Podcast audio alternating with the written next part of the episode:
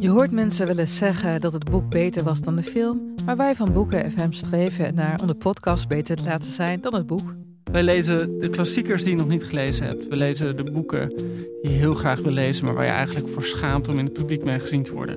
We lezen de Libris-winnaars. Uh, we praten over de Nobelprijslariaten. Allemaal zoals je een etentje hebt dat je moeiteloos mee kan praten en dat het lijkt alsof je helemaal belezen bent. Wij zijn Ellen, Joost en Charlotte van Boeken FM en je kunt ons luisteren in je favoriete podcast-app.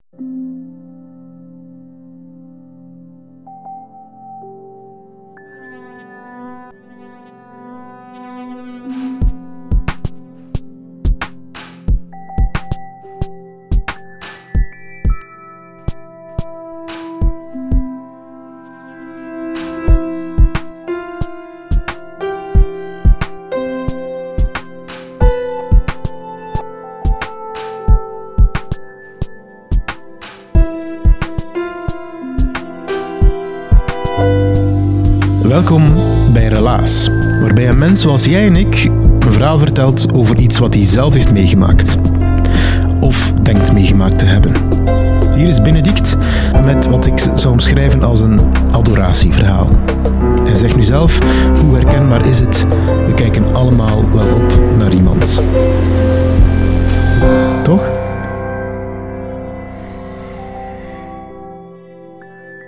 Ik kom vanavond uh, vertellen, mijn relaas doen over um, idolen. Dat is eigenlijk de titel die ik aan het stuk um, wil geven als dat moet. Uh, omdat ik iemand ben die um, van oudsher, niet dat ik zo oud ben, maar toch, al altijd is bezig geweest met uh, mensen die iets goed kunnen. Of gefascineerd ben geweest door mensen die iets heel goed kunnen, waar ik naar opkijk, waar ik door geboeid ben. Um, het idoolverhaal, als daar één mijlpaal in staat um, door de decennia heen, is dat eigenlijk wel um, Clouseau geweest. Uh, als u nu naar huis wil, dan mag dat. Als u dat niet doet, ook goed. ik was een van die diehard fans uh, eind jaren 80, begin jaren 90. Ik ben geboren in het uh, nobeljaar 1978. Kunt u meteen becijferen hoe oud ik ben. En ik was ongeveer 10, 11 toen de Clouseau-mania keihard doorbrak in Vlaanderen. En ik was natuurlijk gebeten daardoor, want ja, die Koen Wouters vonden wij toen toch allemaal een bijzonder knappe gast. Uh, twintig jaar later kijk ik er anders tegenaan, maar goed. Hij was toen knap, hij kon niet onaardig zingen en hij had Vlaanderen op zijn hand en Benedict van Egem dus ook.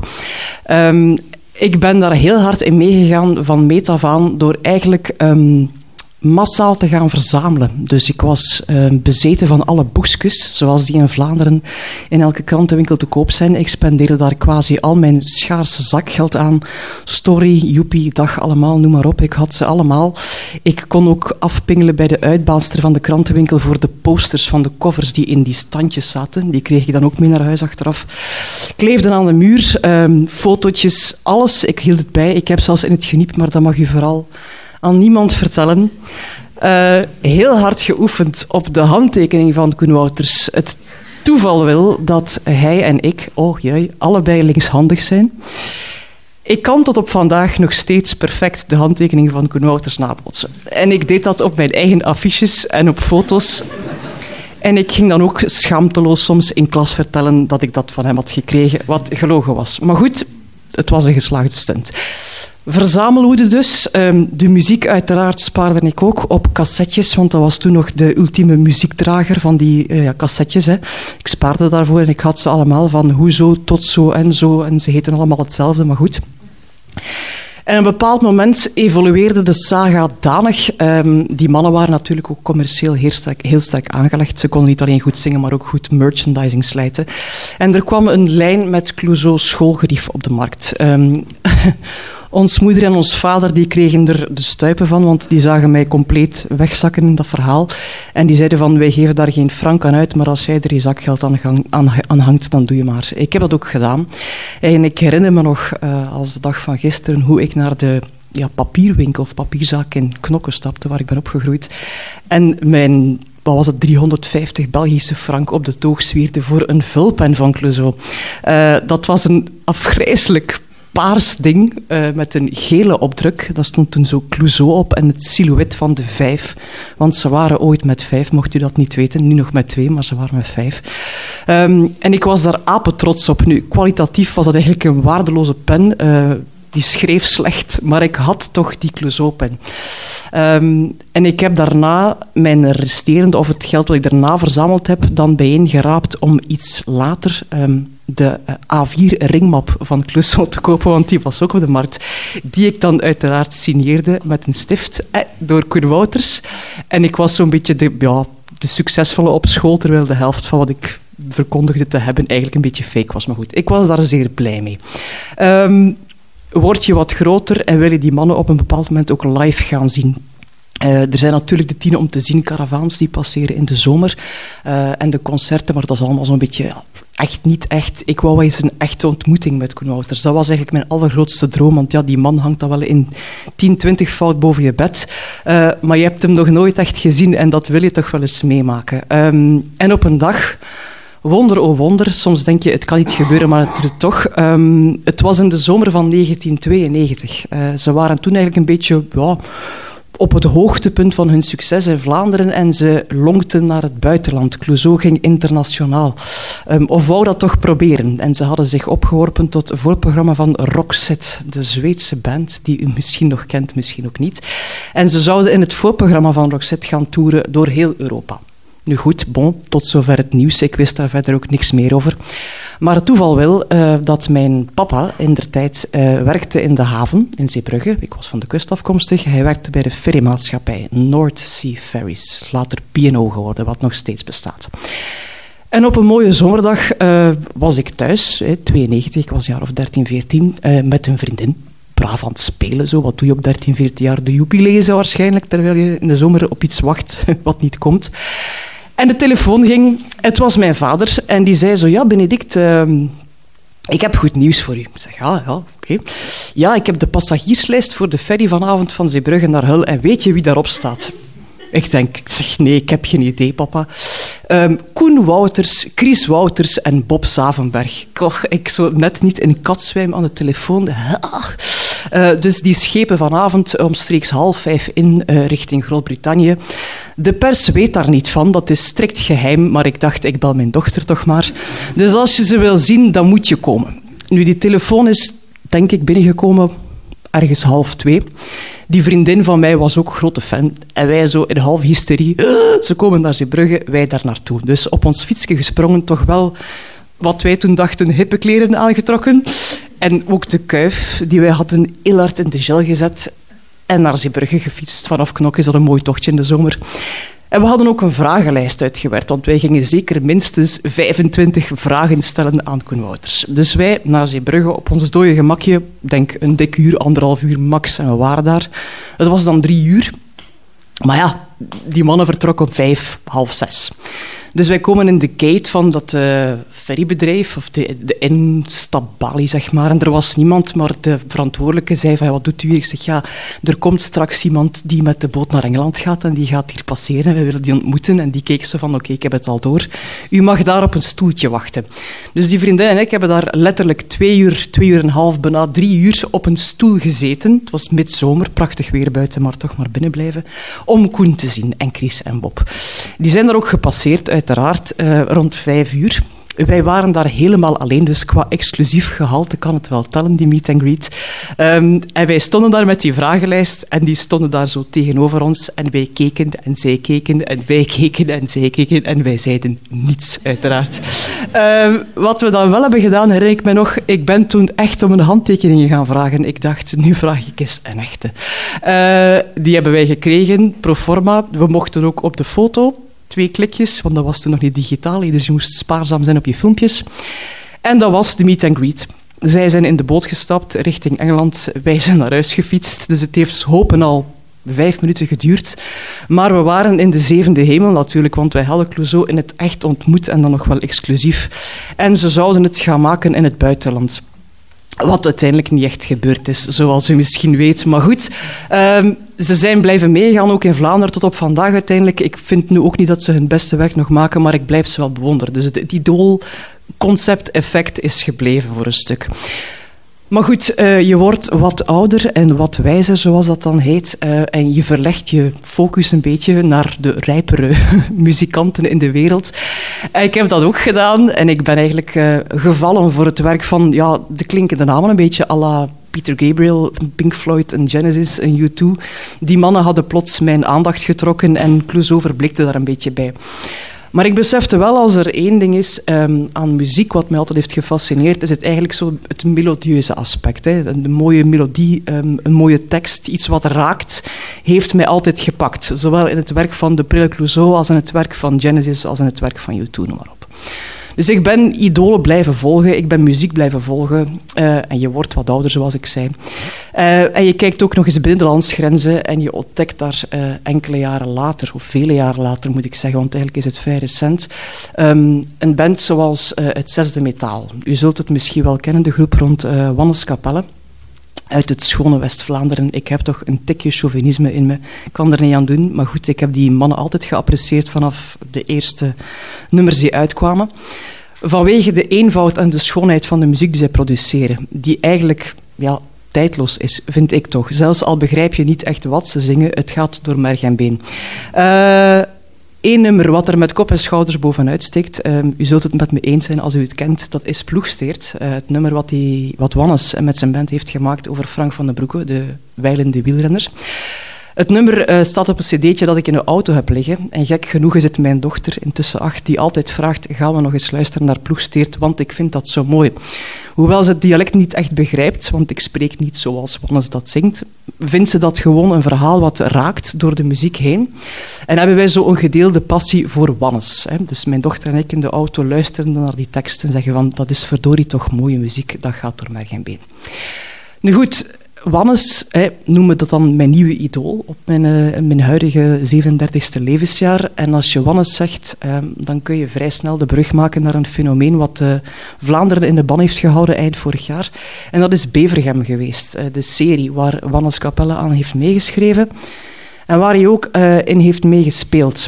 En daar is het concept idool en beate bewondering bij mij weer keihard naar boven gekomen. Het zal iets persoonlijks zijn, maar goed. Ik zat ook in een beetje een moeilijke periode eind vorig jaar toen Bevergem van start ging. En de figuur Wantje in de serie, de politieagent, vertolkt door Wannes Capelle, die heeft eigenlijk vanaf seconde één mijn compleet, die heeft mij overdonderd. Ik was gebeten, gepakt door die gast, Allee, een fictief figuur omdat hij zoveel intens menselijke warmte en empathie uitstraalde, dat ik daar letterlijk... Um, ja, ik, ik ging daarbij huilen op tv. Als die gepest werd door uh, de burgemeester of Claude de Schepen die hem zo wegstuurde met smeergeld. Zat ik daar met tranen in mijn ogen voor tv, dacht ik, alleen die brave jongen die dat zo goed bedoelt, wordt zo eh, afgetroefd financieel. Eh. Dus ik was gebeten door Wantje. Ik dacht, dit is mijn nieuwe god. Dus na Koen en Peter Gabriel val je bij Wantje. Wat ik fantastisch vond. Dus ik heb de serie uiteraard uh, met veel belangstelling gevolgd. Ik was ook enorm opgelucht op het einde toen hij eigenlijk na was zes of zeven afleveringen wraak heeft genomen op de burgemeester van de buurgemeente die hem eigenlijk de vloer had aangeveegd met Wantje. Hij had die altijd uitgekafferd en wat gekleineerd. En er kwam het keerpunt in de serie waar hij eigenlijk wraak nam tijdens een alcoholcontrole en als politieagent de burgemeester te pakken had met 2,5 promille, wat was het. Ik heb net niet zegenronde in mijn living gedaan toen ik zag van Wantje heeft het gehaald, weet wel. Hij het recht zegeviert en hij krijgt waar hij recht op heeft, erkenning. Een brave mens verdient erkenning. Mijn idool.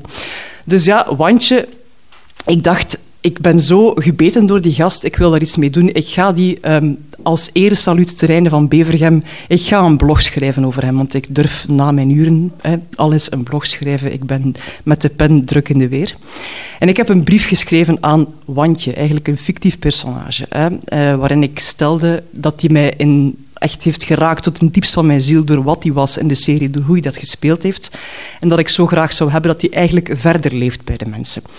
Um, die blog is online gegaan, uiteraard, en die is ook gedeeld geweest op Facebook. En oh wonder, oh wonder, Wannes Capelle zelf heeft die opgepikt. Um, en heeft mij toen laten weten dat hij daar zo door aangedaan was, door wat ik schreef, dat hij echt ontroerd was, dat hij dat zelf ook ging delen leven de sociale media.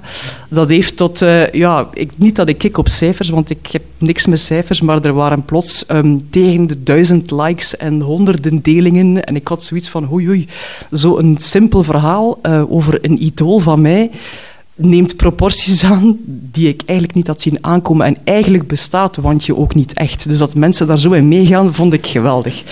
Nu goed, ehm, het verhaal dooft een beetje uit. Bevergem is voorbij. Maar mijn kinderen weten dat uiteraard wel, want mama is fan van Wandje. Dat vertelde ze ook op school. Mama heeft iets met Wandje. en het toeval wil... Ehm, wij wonen in een appartementsgebouw in het Schone Brugge. Bijna zo mooi. Allee, Gent is bijna even mooi als Brugge, zou ik zeggen. Maar Brugge is nog een tikje mooier. Um, in een leuke buurt, um, waar wij heel graag vertoeven. Maar het gebeurt al eens, zoals het in een appartementsgebouw het geval is, dat je wat uh, overlast met buren ervaart uh, om de een of andere vage reden. En er was iemand in het gebouw, of er is iemand in het gebouw, die het al eens bond durft te maken s'nachts. Tussen middernacht en zes morgens vinden al eens wilde feestjes plaats in ons gebouw met luide muziek en veel geroep en getier. Ik ben een absolute voorstander van feestjes, maar niet als ze mij uit mijn slaap houden. En op een nacht heeft dat eigenlijk geleid tot ja, een crisismoment waarop de politie moeten tussenkomen. Het geluid was zodanig bombastisch en iedereen lag wakker dat de politie is opgeroepen om vrede te scheppen in het gebouw. Dus dat was een nacht, ik denk dat het ergens december of zo was. Er uh, was een oproep gedaan. En om twee uur s'nachts komt er dan een combi aangestoven in de straat in het Vredige Brugge met zwaailichten. En er wordt aangebeld bij de bovenburen, die uiteraard het geluid veroorzaakten of het lawaai veroorzaakten. Bovenburen zijn zodanig in de lawaai verzonken dat die uiteraard de bel niet horen en dus niet open doen. Uh, waarna er dan bij mij gebeld wordt om twee uur s'nachts. Nee, bel gaat goed. Ik kruip uit mijn bed. Um, ik heb s'nachts een bril op. Ik heb heel slechte ogen, dus ik sukkel zo naar de parlofoon en doe die open. Um, en er komt een eerste agent naar boven, um, een oudere man. En die zegt tegen mij, zo, oh, wat is dat er allemaal? Ik zeg, ja, uh, ja een nachtlawaai, een feestje en ik kan niet slapen. Goed, ja. Die loopt door naar boven, naar de volgende verdieping. En daarna komt er nog een agent. En ik had mijn bril wel op, dus ik zie wel, maar niet zoals ik zie met mijn lenzen. En het was ook nacht, dus ik was zo half wakker, niet wakker. En ik zie die staan en ik dacht... Die had een baardje, uh, lichtbruin. Die had dat blauwe hoedje op. Die had een blauw truitje aan, een blauwe broek. En ik dacht, it's him. Wandje voor mijn deur om twee uur s'nachts. En ik kijk en die gast kijkt naar mij, die agent, sorry. En die zegt zo, is er iets? En ik zo, nee, nee, nee, nee. En ik had bijna de reflex gehad om te zeggen van... Um, mag ik mijn smartphone halen en mag ik een selfie met u? Maar toen dacht ik van, het is een politieagent in dienst s'nachts, die gaat dat niet appreciëren. Dus die loopt door naar boven, ik doe mijn deur dicht en ik kruip terug in bed. En ik dacht, maar heb ik dat nu gedroomd of niet? Dat is gewoon een agent en die lijkt als twee druppels water op wandje. Dat kan toch niet waar zijn dat een idool gewoon echt bestaat? Iemand fictief uit een serie, dat die in Brugge rondloopt... Nu goed, die interventie passeert, het geluid dooft uit diezelfde nacht. En een paar dagen later uh, tref ik mijn broer, die ook in Brugge woont, die brandweerman is. Dus die staat in close contact met de politie enzovoort. En ik vertel hem dat verhaal. Ik zeg, ja, broer, witte, er was hier lawaai een paar dagen geleden en ik had een telefoon, of er was een telefoon gelegd naar de politie. Um, en die komen hier s'nachts toe. En er komt daar een gast mee of een agent en die lijkt zo sprekend op en die kijkt naar mij, mijn broer, en zegt hij, Wandje. Ik zeg, ja, bestaat die echt? Hij zei, ja, er is hier een agent in Brugge en iedereen noemt die sinds kort Wandje, want die ziet er helemaal hetzelfde uit. En die is ook altijd heel vriendelijk tegen de mensen en aimabel en zachtmoedig. En... Dus ik was zo verdonderd... Uh, omdat ik zo besefte van oké, je hebt idolen en idolen. Je hebt idolen, mensen die gewoon echt bestaan, die je bewondert à la Koen Wouters en die ontmoet je dan in het echt en juist de cirkel is rond. Maar je hebt dan ook van die fictieve idolen, figuren uit een serie die heel erg onbestaande zijn, die dan toch plots echt blijken te zijn, waardoor die cultus van die idolen eigenlijk nog ja, sterker wordt voor mij. Dus mijn bewondering is alleen maar gestegen voor Wandjes, sinds ik weet dat hij ook gewoon in Brugge rondloopt. Um, en het allermooiste aan het verhaal vind ik eigenlijk, je kunt het voor een stukje misschien naïef noemen, um, dat je zo opkijkt naar iemand, want iedereen heeft ook wel mindere kantjes, maar mijn gevoel geeft een idool of geven idolen uh, een zekere kleur aan de wereld, um, geven die mij het gevoel dat ze echt iets te bieden hebben waar ik dan gelukkig door word en andere mensen vast ook. En at the end of the day, dat het dan misschien toch nog goed komt met deze wereld, dankzij de Koen Woutersen en de Wandjes in Vlaanderen en daarbuiten.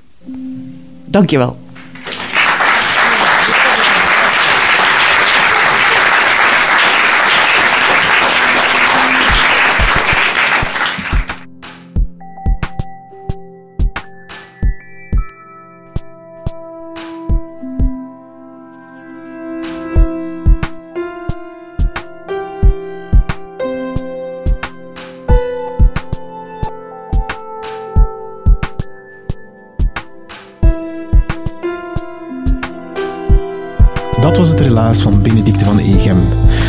vertelde het in april in Husset in Gent.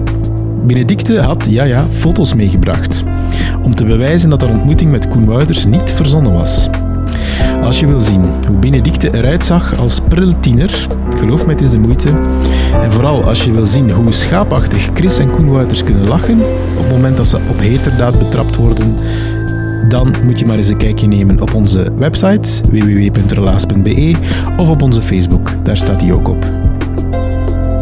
Heb je zelf een herkenbaar of misschien een bijzonder verhaal? Of wil je iemand tippen die een goed verhaal heeft? Of misschien uh, wil je graag gewoon eens live bij zijn als de verhalen verteld worden?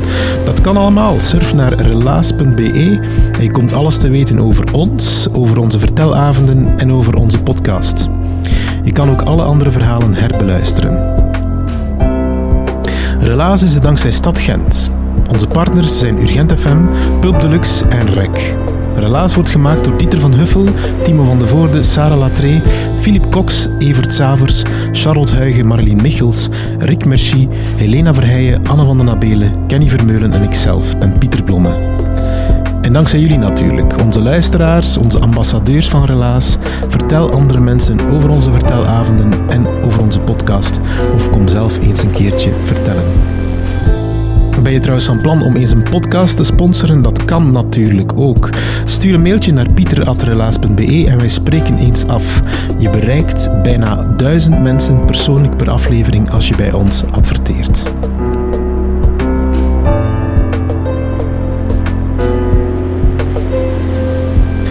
Like ons op Facebook, gewoon relaas intypen. Abonneer op onze podcast, dat kan via Soundcloud of gewoon via iTunes.